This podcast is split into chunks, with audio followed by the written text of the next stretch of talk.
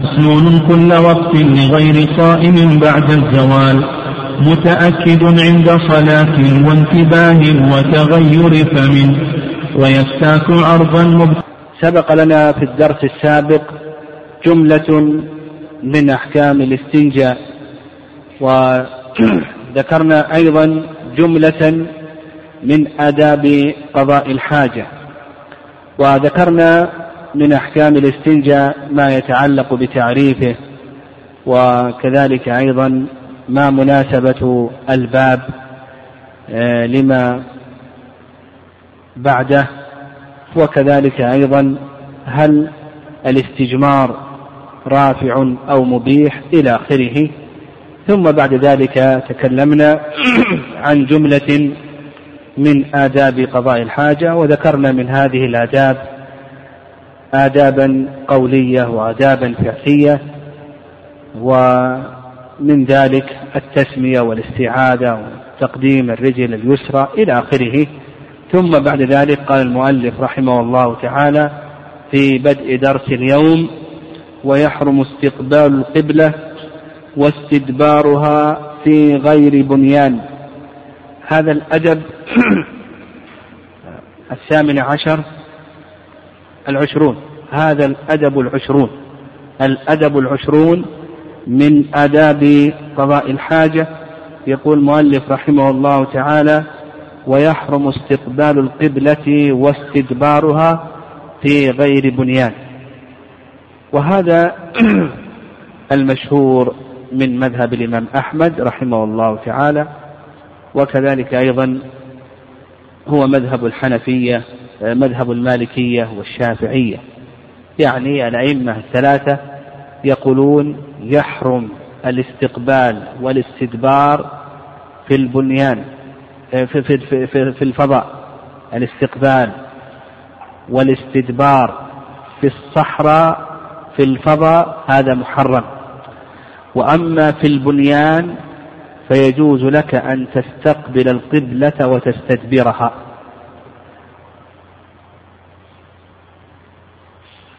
وهذا كما ذكرنا هو مذهب الأئمة الثلاثة واستدلوا على ذلك بحديث أبي أيوب رضي الله تعالى عنه أن النبي صلى الله عليه وسلم قال إذا أتيتم الغائط فلا تستقبلوا القبلة ولا تستدبروها ولكن شرقوا أو غربوا. قال إذا أتيتم الغائط فلا تستقبلوا القبلة ولا تستدبروها ولكن شرقوا أو غربوا. وهذا في الصحيحين. ومثل ذلك أيضا حديث أبي هريرة رضي الله تعالى عنه حديث سلمان إلى آخره. الحديث بهذا كثيرة. قال قال ابن القيم رحمه الله تعالى لبضعة لبضعة عشر حديثا عن رسول الله صلى الله عليه وسلم. وما هو الدليل على أنه يجوز في البنيان؟ وقال لك المؤلف فصل قال لك في الصحراء يحرم عليك أن تستقبل أو تستدبر وأما في البنيان في مثل الآن دورات المياه الموجودة عندنا على كلام المؤلف يجوز لك أن تستقبل القبلة وأن تستدبرها أثناء قضاء الحاجة. وما دليلهم على ذلك؟ دليلهم على ذلك حديث ابن عمر رضي الله تعالى عنهما أن النبي صلى الله عليه وسلم استقبل بيت المقدس لقضاء حاجته واستدبر الكعبة في بيت حفصة. يقول ابن عمر رضي الله تعالى عنهما رقيت على بيت حفصة فرأيت النبي صلى الله عليه وسلم يبول استقبل بيت المقدس واستدبر الكعبة. وهذا الحديث في الصحيحين قالوا كون النبي صلى الله عليه وسلم استدبر الكعبة هذا يدل على جوازه في البنيان. هذا هو الرأي الأول في هذه المسألة. الرأي الثاني الرأي الثاني أن الاستقبال والاستدبار محرم ولا يجوز سواء كان ذلك في الصحراء أو كان ذلك في البنيان. سواء كان ذلك في الصحراء أو كان ذلك في البنيان. وهذه الرواية الثانية عن الإمام أحمد رحمه الله وهو مذهب أبي حنيفة واختيار شيخ الإسلام تيمية رحمه الله واستدلوا بالعمومات. استدلوا بالعمومات.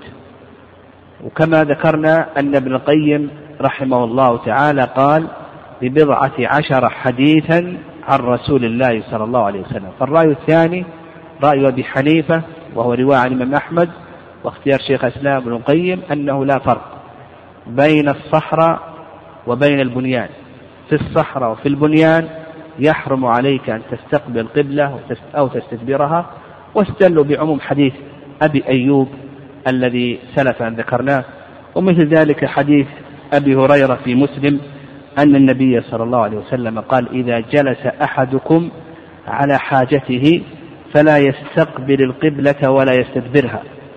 فلا يستقبل القبلة ولا يستدبرها وهذا في صحيح مسلم وهذا يشمل الصحراء والبنيان. طيب الرأي الثالث ونقتصر على الرأي الثالث لأن المسألة فيها آراء كثيرة لكن ما ذكرنا هو أشهر الآراء وهو رأي الأئمة رحمهم الله. فتلخص لنا أن الأئمة الثلاثة يجوزونه في البنيان ويمنعونه في الصحراء. أبو حنيفة رحمه الله يمنعه في الصحراء وفي البنيان استقبالا واستجبارا. وهذا اختيار شيخ الإسلام تيمية رحمه الله وابن القيم. الرأي الثالث أن النهي على سبيل الكراهة يعني يكره أن تستقبل أو تستدبر. ولو فعلت فإن هذا جائز ولا بأس به. وعند داود الظاهري رحمه الله أنه يجوز بلا كراهة. يعني بعض العلماء ذهب إلى أنه مكروه وليس محرما. وعند داود الظاهري أنه جائز بلا كراهة. ويستدلون على ذلك الذين قالوا بالجواز سواء كان بالكراهة أو قالوا بالجواز مطلقا دون كراهة يستدلون على ذلك بحديث جابر رضي الله تعالى عنه. قال كان رسول الله صلى الله عليه وسلم نهانا أن نستقبل القبلة أن نستدبر القبلة أو أن نستقبلها. كان الرسول صلى الله عليه وسلم نهانا أن نستدبر القبلة أو نستقبلها إذا أهرقنا الماء إذا أهرقنا الماء. قال ثم رم ثم رأيته قبل أن يموت بعام وهو مستقبل قبلة يبول. يقول جابر ثم رأيته قبل أن يموت بعام وهو مستقبل القبلة يبول. وهذا الحديث في آه، رواه الإمام أحمد وأبو داود وابن ماجه. وفيه محمد بن إسحاق. محمد بن إسحاق هنا يقولون بأنه نعم يقولون آه، آه، بأنه صرح في التحديث. محمد بن إسحاق مدلس. وإذا عن عن لا تقبل روايته لكنهم يقولون هنا صرح محمد بن إسحاق بالتحديث.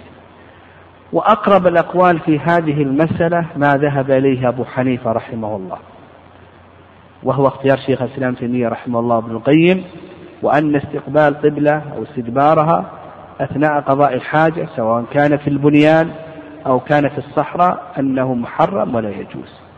وأما حديث جابر رضي الله تعالى عنه يعني حديث جابر رضي الله تعالى عنه فنقدم عليه حديث الصحيحين حديث الصحيحين أقوال. حديث أبي أيوب في الصحيحين حديث أبي هريرة في مسلم حديث سلمان. كما تقدم أن ابن القيم رحمه الله يقول لبضعة عشر حديثا عن رسول الله صلى الله عليه وسلم. و كذلك أيضا ما دل له حيث ابن عمر في كون النبي صلى الله عليه وسلم استقبل بيت المقدس واستدبر الكعبة هذا فعل. وحديث النهي عن الاستقبال والاستدبار في البنيان هذه قول تقدم عليه. كما أن هذا الفعل يحتمل عدة احتمالات. فيحتمل أن النبي صلى الله عليه وسلم فعل ذلك لحاجة ويحتمل الخصوصية يعني يحتمل أن النبي صلى الله عليه وسلم فعل ذلك لحاجة ويحتمل الخصوصية. فأقرب شيء وأسلم شيء مع أن حديث جابر أيضا كما أن في إسناد محمد إسحاق أيضا هو معلول عند بعض المحدثين فلا يرى قبوله. فأسلم شيء في هذه المسألة هو ما ذهب إليه أبو حنيفة رحمه الله وهو اختيار شيخ الإسلام وهي الرواية الثانية عن الإمام أحمد رحمه الله. قال ولبسه فوق حاجته. هذا الأدب الحادي والعشرون. هذا الأدب الحادي والعشرون. يقول المؤلف رحمه الله تعالى ولبسه فوق حاجته. يعني يحرم على الإنسان أن يلبث فوق حاجته. يعني يحرم على الإنسان أن يلبث فوق حاجته. يعني إذا انتهى من قضاء الحاجة فإنه يبادر بالاستنجاء أو أو الاستجمار ولا يلبث فوق حاجته. ويقولون بأن هذا محرم ولا يجوز لعلتين. العلة الأولى أنه مضر عند الأطباء. فالأطباء يقولون بأن بأن هذا يدمي الكبد. والعلة الثانية لما فيه من كشف العورة. نعم لما فيه من كشف العورة. والرواية الثانية عن الإمام أحمد رحمه الله تعالى أن هذا مكروه. نعم الرواية الثانية عن الإمام أحمد رحمه الله أن هذا مكروه لأن التحريم صعب. نعم ليس هناك دليل لكن نقول يكره لما في ذلك من كشف العورة بلا حاجة. لكن إن ثبت أن هذا يضر يعني كونه يلبس فوق حاجته آه، آه، زائدا عن ما يحتاجه آه، وأن هذا مضر فإن الله سبحانه وتعالى يقول ولا تلقوا بأيديكم إلى التهلكة. قال وبوله في طريق وظل نافع وتحت شجرة عليها ثمرة. هذا الأدب الثامن الثاني والعشرون. الأدب الثاني والعشرون أنه يحرم عليك أن تبول في تحت هذه في هذه الأشياء وتحت الشجرة التي عليها ثمرة والضابط في ذلك يعني وما ذكره المؤلف رحمه الله تعالى إنما هو على سبيل المثال. الضابط في ذلك أن نقول يحرم عليك أن تبول في مكان أو أن تقضي حاجتك في مكان يتأذى الناس بفعلك. تقول يحرم أن تقضي حاجتك في مكان يحتاجه الناس ويتأذى الناس بفعلك. يشمل الطريق يشمل الحدائق والمنتزهات يشمل أماكن الجلوس العامة يشمل الأسواق إلى آخره. المهم الأماكن التي يحتاجها الناس وإذا قضيت حاجتك فيها فإن الناس يتأذون. نقول بأن هذا لا يجوز لقول الله عز وجل والذين يؤذون المؤمنين والمؤمنات بغير ما اكتسبوا فقد احتملوا بهتانا وإثما مبينا. وأيضا في صحيح مسلم حيث أبي هريرة أن النبي صلى الله عليه وسلم قال اتقوا اللاعنين. قالوا وما اللاعنان يا رسول الله؟ قال الذي يتخلى في طريق الناس أو ظلهم. قال ويستجمر بحجر ثم يستنجي بالماء ويجزئه الاستجمار إن لم يعد الخارج موضع العادة. هذا الأدب الثالث والعشرون أن يجمع بين الاستجمار والاستنجاء يعني يستجمر بحجر أو بمناديل ونحو ذلك ثم بعد ذلك أن ينظف المحل أولا بالحجر والمناديل ثم بعد ذلك يستنجي بالماء لأنه إذا نظف المحل بالحجر والمناديل لم تباشر يد يده النجاسة ومباشرة اليد للنجاسة في هذا الموضع هذا أجازه العلماء رحمهم الله تعالى للحاجة إلى ذلك. فالأدب أنك تبدأ بالاستجمار ثم بعد ذلك تستنجي. وإذا قضى الإنسان حاجته فله ثلاث حالات. الحالة الأولى أن يبدأ أن يجمع بين الاستجمار والاستنجاء كما ذكر المؤلف رحمه الله تعالى. والحالة الثانية أن يستنجي بالماء والحالة الثالثة أن يستجمر بالحجارة. وهذه يعني ابن القيم رحمه الله تعالى يقول وكان النبي صلى الله عليه وسلم تارة يستجمر بالحجارة وتارة يستنجي بالماء. فنقول إن جمع فهذا أعلى المراتب. المرتبة الثانية الاستنجاء بالماء لأن الاستنجاء بالماء يقطع الأذى بالكامل. وأما الاستجمار بالحجارة فإنه يبقى شيء من الأذى معفو عنه كما سيأتينا إن شاء الله. وبعض السلف بعض السلف لا يرى الاستنجاء بالماء لكن هذا فيه نظر لأن لأن الاستنجاء بالماء هذا ثبت عن النبي صلى الله عليه وسلم كما في حديث المغيرة رضي الله تعالى عنه وأيضا حديث أنس رضي الله تعالى عنه. قال ويجزئه الاستجمار إن لم يعد الخارج موضع العادة. يقول المؤلف رحمه الله الاستجمار يجزئ لكن متى يجزئ الاستجمار؟ بشرط ألا يتعدى الخارج موضع العادة. الخارج البول أو الغائط يعني لا يتعدى موضع الحاجة يعني موضع العادة يعني العادة التي جرت أن ينتشر الأذى حول المخرج. فمثلا ثقب الذكر. جرت العادة أن أن البول يكون حول هذا الثقب. بالنسبة لخروج الغائط جرت العادة أن الغائط ينتشر حول المخرج فقط. طيب لو انتشر بعد ذلك يقول لك ما يجزي المؤلف. لا يجزي الاستجمار لا بد من الماء. يعني إذا تجاوز الخارج موضع العادة التي جرت العادة أن ينتشر إليه الأذى يقول لك إذا تجاوز موضع العادة فإنه لا يجزئه إلا الماء. وهذا ما ذهب إليه المؤلف رحمه الله تعالى. ونفهم قاعدة نعم نفهم قاعدة وهي أن العبادات التي آه، وردت على صفة المسح فهي عبادة مخففة في أصلها فلا يشدد فيها يعني العبادة التي وردت على صفة المسح الشارع خففها كيف نشدد فيها؟ ولكن الشارع جعلك جعل لك أن تمسح فقط. شيخ الإسلام تيمية رحمه الله ورد عنه قولان يعني شيخ الإسلام ورد عنه قولان. القول الأول أنه حتى وإن انتشر نعم حتى ولو لا يحد يجزي الاستجمار حتى ولو انتشر. لو انتشر إلى الحشفة لو انتشر إلى جانب الصفحة فإن هذا يجزي فيه الاستجمار. والقول الثاني لشيخ الإسلام تيمية رحمه الله أنه يحد بالنصف البول إذا انتشر إلى نصف الحشفة يعني رأس الذكر رأس الذكر إذا انتشر البول إلى النصف معفو عنه فوق النصف غير معفو عنه مثل أيضا الصفحة. يعني شيخ الإسلام رحمه الله يقول لك إذا آه، انتشر إلى نصف الصفحة يجزئ وإن كان آه، فوق ذلك فإنه لا يجزئ.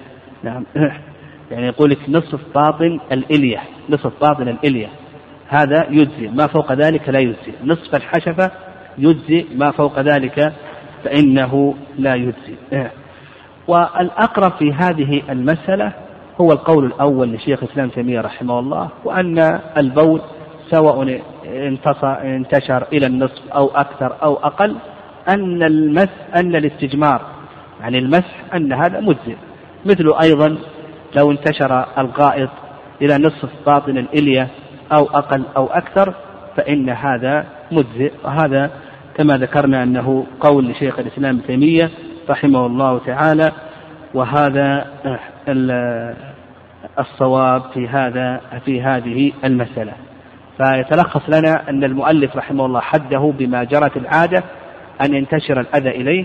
شيخ الإسلام تيمية رحمه الله في قول له يحد بالنصف. يعني يقول لك النصف فأكثر لا يجزي. نصف الحشفة فأكثر لا يجزي. نصف باطن الإلية فأكثر لا يجزي. ما دون النصف يجزي. القول الثاني لشيخ الإسلام تيمية رحمه الله أنه لا يحد بالنصف وأن هذا مجزئ وهذا القول هو الصواب كما ذكرنا لأننا ذكرنا أن الاستجمار مسح وخفف في أصلها فلا يشدد أم لا يشدد فيها. قال المؤلف رحمه الله تعالى ويشترط للاستجمار بأحجار ونحوها أن يكون طاهرا. إذا أراد أن يستجمر بالأحجار ونحوها كالمناديل ونحوها يشترط شروط. الشرط الأول أن يكون طاهرا ويدل ذلك حيث ابن مسعود رضي الله تعالى عنهما رضي الله تعالى عنه أنه أتى النبي صلى الله عليه وسلم بحجرين وروثة. فأخذ النبي صلى الله عليه وسلم الحجرين وألقى الروثة وقال هذا ركس.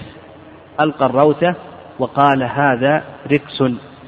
فهذا يدل على أنه لا يصح الاستجمار بالنجس. قال لك منقيا. هذا الشرط الثاني أن يكون منقيا. لأن الغرض من المسح هو الإنقاذ. الغرض من المسح هو الإنقاذ. وعلى هذا إذا كان غير منق فإنه لا يجزئ الاستجمار به كما لو كان أملس كزجاج ونحو ذلك إلى آخره. فنقول هذا لا يصح أن تستجمر به. لأن المقصود من الاستجمار هو تنظيف المحل ما أمكن وهذا لا ينقي قال غير عظم وروث هذا الشرط الثالث. الشرط الثالث ألا يكون عظما أو روثا. فإن كان عظما أو روثا فإنه لا يصح الاستجمار بهما لحديث سلمان. وفيه أو أن نستنجي برجيع أو عظم. حيث سلمان أو أن نستنجي برجيع أو عظم. والرجيع إن كان لحيوان لا يؤكل فهذا نجس. إن كان لحيوان لا يؤكل فهذا نجس. العظم إن كان لحيوان لا يؤكل فهذا نجس. وإن كان لحيوان يؤكل فهو طاهر الرجيع والعظم طاهر لكن النبي صلى الله عليه وسلم نهى أن تستنجي بهما لأن هذا العظم يكون طعاما لإخواننا من الجن. يجدون هذه العظام أوفر ما تكون لحما وهذا الروث يكون علفا لبهائمهم. فنهى النبي صلى الله عليه وسلم أن يستنجى بهما. فالرجيع والعظام إن كانت لحيوان مأكول فالرجيع طاهر. والعظم أيضا ما دام أن الحيوان ذكي فهو طاهر هذا العظم. لكن نهي عن ذلك لأن هذا الرجيع وهذا العظام العظام يجدونه إخواننا من الجن أوفر ما يكون لحما. لما سأل النبي صلى الله عليه وسلم عن طعامهم وعن علف بهائمهم قال كل بعرة علف لبهائمكم فنهي عن أن يستجمر بهم قال وطعام هذا الشرط الشرط الرابع ألا يكون طعاما فلا يجزئ الاستجمار بالطعام. يعني وإذا كان نهي أن يستجمر بطعام بهائم الجن وطعام الجن فلا أن ينهى عن الاستجمار بطعام الإنس وطعام بهائم الإنس من باب أولى. الشارع نهاك أن تستنجي بطعام الجن وبطعام بهائمهم فالإنس وبهائم الإنس أكرم من الجن فينهى عن ذلك ولما في ذلك من كفر النعمة. قال ومحترم هذا الشرط الخامس ألا يكون محترما ككتب العلم ونحو ذلك بقول الله عز وجل ومن يعظم شعائر الله فإنها من تقوى القلوب ويقول سبحانه ومن يعظم حرمات الله فهو خير له عند ربه. قال ومتصل بحيوان. نعم ومتصل بحيوان. يعني كذنب البهيمة وصوف البهيمة المتصل بها. نعم كذنب البهيمة وصوف البهيمة المتصل بها. وهذا المذهب ومذهب الشافعية. وعند المالكية أن هذا جائز مع الكراهة. المالكية يقولون بأنه جائز مع الكراهة لكن عند الحنابلة والشافعية بأن هذا آه، لا يجزئ لأن هذه الأشياء محترمة. يعني هذه الأشياء محترمة. آه، هذا قال لك ويشترط ثلاث مسحات منقية فأكثر ولو بحجر ذي شعب. هذا الشرط السابع. الشرط السابع أن يمسح ثلاث مسحات كل مسحة تعم المحل. يعني لا يجزئ أقل من هذه المسحات الثلاث. نعم. لا بد من ثلاث مسحات ودليل ذلك حيث سلمان قال أو أن نستنجي بأقل من ثلاثة أحجار. رواه مسلم. أو أن نستنجي بأقل من ثلاثة أحجار. نهانا أن نستقبل القبلة لغائط أو بول أو أن نستنجي بأقل من ثلاثة أحجار. فلا بد من ثلاث مسحات وهذا ما عليه أكثر العلماء رحمهم الله. يعني هذا مذهب الشافعية والحنابلة.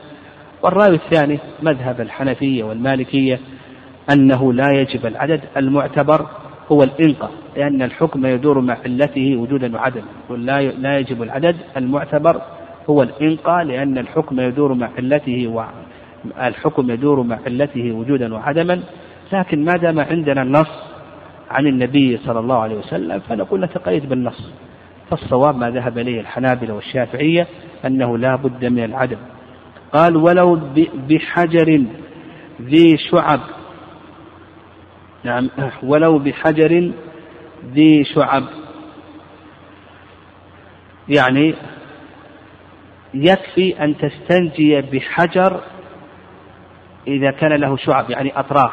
لو كان عندنا حجر له ثلاث أطراف.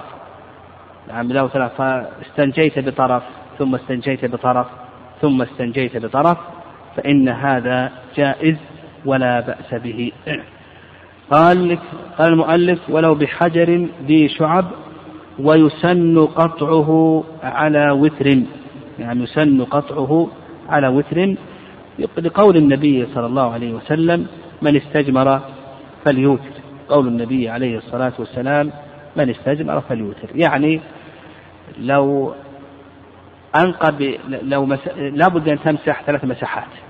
لكن لو لم ينقى بثلاث تزيد رابعة وجوبا ثم تزيد خامسة استحبابا.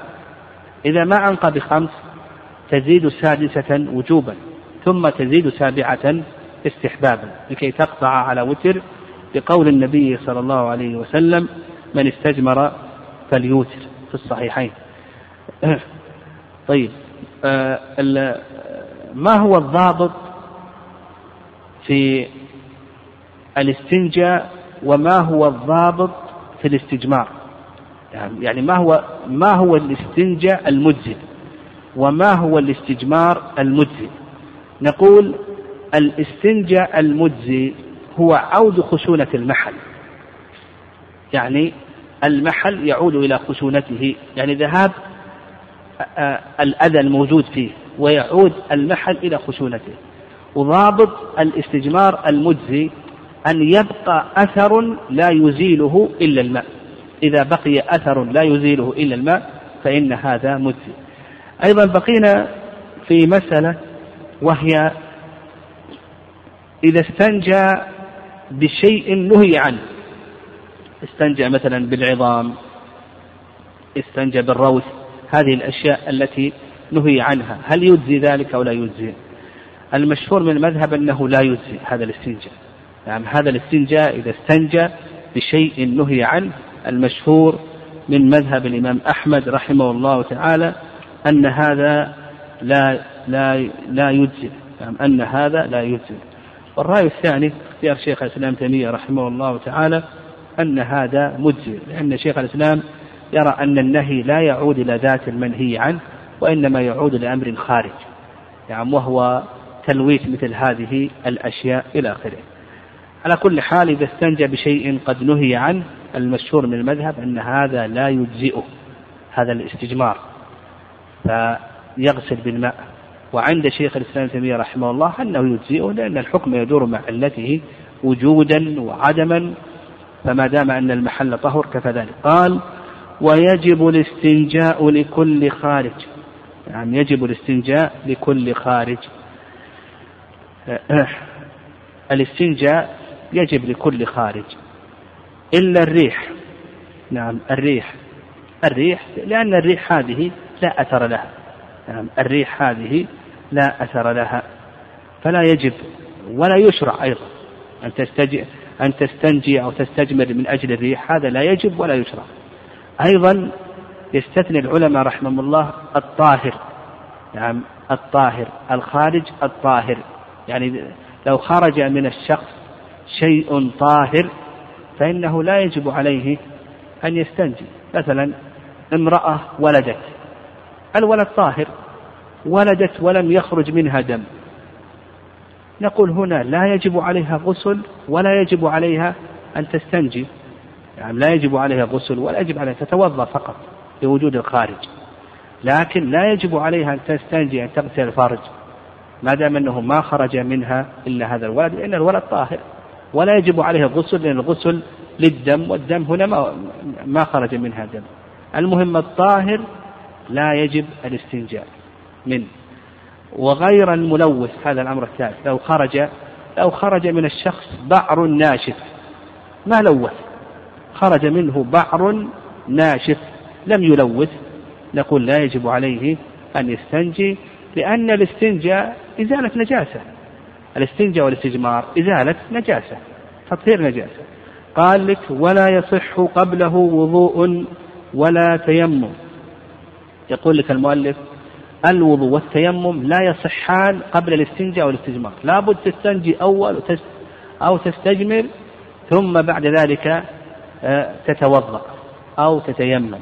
وهذا ما ذهب إليه المؤلف رحمه الله ويستدلون بحديث المقداد.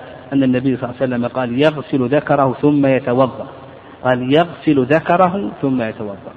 والرأي الثاني أنه يصح يعني أنه يصح قبل الوضوء والتيمم نعم يصح الوضوء والتيمم قبل الاستنجاء أو الاستجمار. يعني لو أن الإنسان لو أن الإنسان لم يستجمر ولم يستنجي. عليه الأذى. ثم توضأ صح ذلك. ثم يستنجي بعدين. يعني يستنجي بعدين. أو يستجمر بعد ذلك. صح ذلك. وهذا اختيار الشيخ السعدي رحمه الله وهذا هو الصواب. لأن الاستنجاء والاستجمار ليس له علاقة بفروض الوضوء ولا بأركان التيمم ليس له علاقة. الاستنجاء والاستجمار عبادة مستقلة إزالة نجاسة على البدن كما لو كان على عضدك نجاسة يصح تتوضأ ثم تزيلها بعدين. فالاستنجاء والاستجمار تطهير للمحل فهذا هو الصواب. بهذا نعرف أن بعض الناس قد يخرج منه خارج ثم يستجمر ويستنجي ثم إذا أراد الوضوء أعاد الاستنجاء والاستجمار. لماذا؟ الاستنجاء والاستجمار ليس من أركان الوضوء وليس آه، من فروض الوضوء إلى آخره وإنما هو إزالة نجاسة. إذا أردت أن تصلي أزل هذه النجاسة. ولهذا يصح أن تتوضأ قبل أن تستنجي أو تستجمر وتمس القرآن. يعني تمس القرآن لأن مس القرآن لا يشترط له إزالة النجاسة. لكن الصلاة لا بد من إزالة النجاسة. قال المؤلف رحمه الله باب السواك وسنن الوضوء. التسوق بعود لين منق غير مضر لا يتفتت. السواك اسم للعود الذي يستاك به. نعم السواك يطلق على العود الذي يستاك به يسمى سواك. كذلك أيضا الفعل فعل التسوك أيضا يسمى يسمى سواك. وأما ف وهو مأخوذ من قولهم جاءت الإبل تتساوك يعني تتمايل. نعم لتمايل هذا العود في الفم. والسواك في الاصطلاح هو تطهير الفم. السواك في الاصطلاح تطهير الفم بعود ونحوه. نقول السواك في الاصطلاح تطهير الفم بعود ونحوه. السواك سنة كل وقت. كالطيب. الطيب سنة كل وقت. السواك سنة كل وقت. ويتأكد في بعض المواضع. في بعض المواضع يتأكد. وإلا نقول بأنه سنة في كل وقت. يقول المؤلف رحمه الله التسوق بعود لين. يعني هل يشترط لسنية السواك أن يكون بعود أو أن هذا ليس شرطا؟ المؤلف رحمه الله تعالى يرى أنه لا بد من العود. قال لك التسوق بعود. وهو قول الشافعية. وعلى هذا لو أن الإنسان تسوك بغير العود تسوك مثلا بالفرشة عند الوضوء ما يصح هذا. يعني هذا لا, لا تحصل له السنة بذلك. والرأي الثاني نعم الرأي الثاني أنه بأي شيء تسوك أجزأه ذلك. نعم بشيء تسوك نعم أن هذا يجزئه وهذا اختيار ابن قدامة رحمه الله. كذلك أيضا آه النووي غير ذلك. الصواب أن, أن, أن كل ما يطهر الفم فإنه يجزئ لحيث عائشة في البخاري معلقا بصيغة الجزم السواك مطهرة للفم مرضاة للرب. وعلى هذا نقول إذا تسوك بأي سواك نقول بأن هذا مجزئ قال لك المؤلف رحمه الله لين. نعم لين. يعني ال ال هذا السواك لا يكون لا يكون قاسيا لأن القاسي يجرح اللسان ويجرح الفم إلى آخره فإنه يكون يكون لينا. غير مضر منقل لأن المقصود منه طهارة الفم. يقول لك لين منق لأن المقصود منه هي طهارة الفم غير مضر فإن كان يضر إلى آخره يعني كالأعواد التي تضر يعني بعض النباتات أعوادها تضر. فيقول لك المؤلف رحمه الله لا يشرع لا يتفتت لأن الذي يتفتت إلى آخره هذا لا يطهر. لا بإصبع أو خرقة ما يجزي أن تتسوق بالإصبع أو بالخرقة لا بد تتسوق بعود. المهم الخلاصة في ذلك الخلاصة في ذلك أن نقول الصواب في هذه المسألة أن كل ما يطهر الفم بلا ضرر. هذه الخلاصة. أن كل ما يطهر الفم بلا ضرر فإنه مستحب سنة. كل ما يطهر الفم بلا ضرر يحصل للفم نقول بأنه مستحب وسنة. أما إن كان سواء كان يتفتت أو لا يتفتت سواء كان لينا أو قاسيا المهم أنه ما يضر ما يضر. نعم. إلى آخره. فلا وسواء كان ينقي أو لا ينقي إلا شيئا يسيرا وتحصل السنة بقدر ما يحصل من الإنقاء يعني تحصل السنة بقدر ما يحصل من الإنقاء قال مسنون كل وقت. مسنون كل وقت. سنة كل وقت.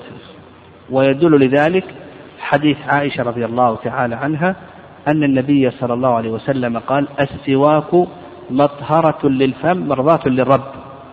أخرجه البخاري معلقا بصيغة الجزم وطهارة الفم ورضا الرب مطلوب في كل وقت.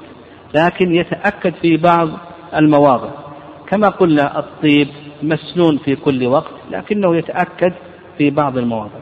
قال لغير صائم بعد الزوال. المواضع التي يتأكد فيها سيذكرها المؤلف وسيذكر جملة منها. قال لك هو مسنون في كل وقت إلا أنه استثنى الصائم بعد الزوال. يعني الصائم قبل الزوال يستحب له السواك. وأيضا يقولون السواك بيابس ما يكون برطب. بعد الزوال يعني بعد الزوال يقولون بأنه لا يستحب له أن يستاك بل يكره السواك في حقه. وهذا مذهب آه، أحمد والشافعي ودليلهم على ذلك ما يروى عن النبي صلى الله عليه وسلم أنه قال إذا صمتم فاستاكوا بالغداة ولا تستاكوا بالعشي. إذا صمتم فاستاكوا بالغداة ولا تستاكوا بالعشي. والرأي الثاني أنه لا فرق بين الصائم وبين غيره. وما كان قبل الزوال وما كان بعد الزوال وهذا مذهب الحنفية واختاره شيخ الإسلام وهو قول ابن حزم في العمومات. مذهب الحنفية اختاره شيخ الإسلام وابن حزم للعمومات وهذا القول هو الصواب. عموم حديث أبي هريرة عموم حديث عائشة كما سيأتينا عموم حديث حذيفة إلى آخره. عمومات الأدلة تدل على أنه لا فرق والحديث المروي عن ذلك ضعيف وأيضا آثار الصحابة بالسواك للصائم أيضا تدل لذلك وحيث عامر بن ربيعة إلى آخره الحديث في هذا كثيرا. قال متأكد عند صلاة يعني يتأكد في مواضع. السواك يتأكد في مواضع. الموضع الأول عند الصلاة سواء كانت هذه الصلاة نافلة أو كانت فريضة ومحله عند تكبيرة الإحرام. أو قبلها بيسير. محله عند تكبيرة الإحرام أو قبلها بيسير. وهذا خلافا لما ذهب إليه الإمام مالك رحمه الله تعالى ودليل ذلك حيث أبي هريرة في الصحيحين. أن النبي صلى الله عليه وسلم قال لولا أن أشق على أمتي لأمرتهم بالسواك عند كل صلاة. لولا أن أشق على أمتي لأمرتهم بالسواك عند كل صلاة. قال وانتباه هذا الموضع الثاني. إذا انتبه من النوم فإنه يستحب له. نعم. وقلنا عند الصلاة أيضا يتأكد في صلاة الليل. يعني يتأكد السواك في صلاة الليل. ولهذا ذكرت عائشة رضي الله تعالى عنها أنهم كانوا يعدون للنبي صلى الله عليه وسلم طهوره وسواكه من الليل. يعني فيبعثه الله ما شاء. يعني أن النبي صلى الله عليه وسلم كان يتهيأ لقيام الليل ويهيئون للنبي صلى الله عليه وسلم الماء الذي يتطهر به إذا قام والسواك الذي يستاك به إلى آخره لصلاة الليل. فيتأكد أيضا في صلاة الليل. كذلك أيضا يوم الجمعة يعني أشهر متأكد عند الصلاة لكن عندك صلاة الليل وعندك الجمعة هذه فيها زيادة تأكد الموضع الثاني قال وانتباه إذا انتبه من النوم. ويدل لذلك حديث حذيفة أن النبي صلى الله عليه وسلم كان إذا انتبه من نومه يشوص فاه بالسواك يعني يدلك فاه بالسواك. وتغير فم هذا الموضع الثالث عند تغير رائحة الفم إما لأكل أكله أو لصفرة في الأسنان أو آه، نحو ذلك. المهم إذا تغيرت رائحة الفم فإنه يستحب له أن يتسوق ويدل لذلك حديث حذيفة السابق. أن النبي صلى الله عليه وسلم كان يشوص فاه بالسواك. لماذا؟ عند الانتباه. إذا انتبه لأن النوم مظنة لتغير الفم. فدل ذلك على باب القياس قول المؤلف وتغير الفم.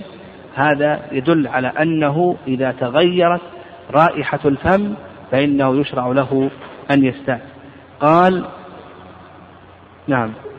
ويستاك عرضا. ذكر المؤلف رحمه الله ثلاث مواضع. هناك مواضع أخرى. نعم هناك مواضع أخرى دلت السنة على أنه يستحب التسوق عندها. الموضع الرابع عند الوضوء.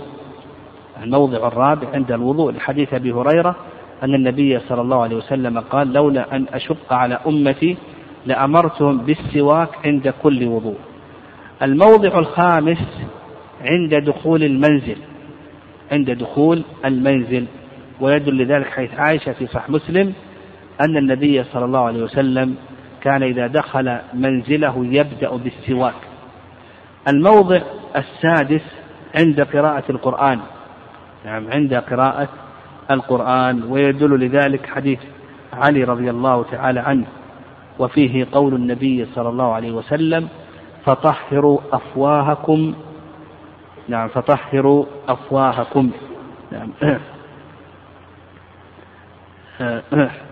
إن العبد إذا تسوق ثم قام ال ال ثم قام يصلي قام الملك خلفه فسمع لقراءته إلى أن قال فطهروا أفواهكم. قال فطهروا أفواهكم. آه، فيشرع عند قراءة القرآن. آه، المنذر يقول بأن إسناده جيد أخرجه البزار ويقول بأن إسناده جيد. الموضع السابع الموضع السابع عند الاحتضار عند الاحتضار ويدل لذلك حديث عائشة رضي الله تعالى عنها الطويل في قصة وفاة النبي صلى الله عليه وسلم وكيف استاك النبي عليه الصلاة والسلام عند عند احتضاره. أما ما عدا ذلك يعني ما عدا هذه المواضع هذه سبعة مواضع هي التي ورد لها الدليل. أما ما عدا ذلك فإنه لم يثبت فيه شيء. يعني بعض العلماء يضيف عند الطواف بعضهم يقول عند خطبة الجمعة وبعضهم يقول عند دخول المسجد إلى آخره. لكن هذه السنن تحتاج إلى دليل. القول بأن سنة يحتاج هذا إلى دليل. قال ويستاك عرضا نعم يعني إذا أراد أن يستاك فإنك ما تستاك طولا وإنما تستاك نعم تستاك عرضا.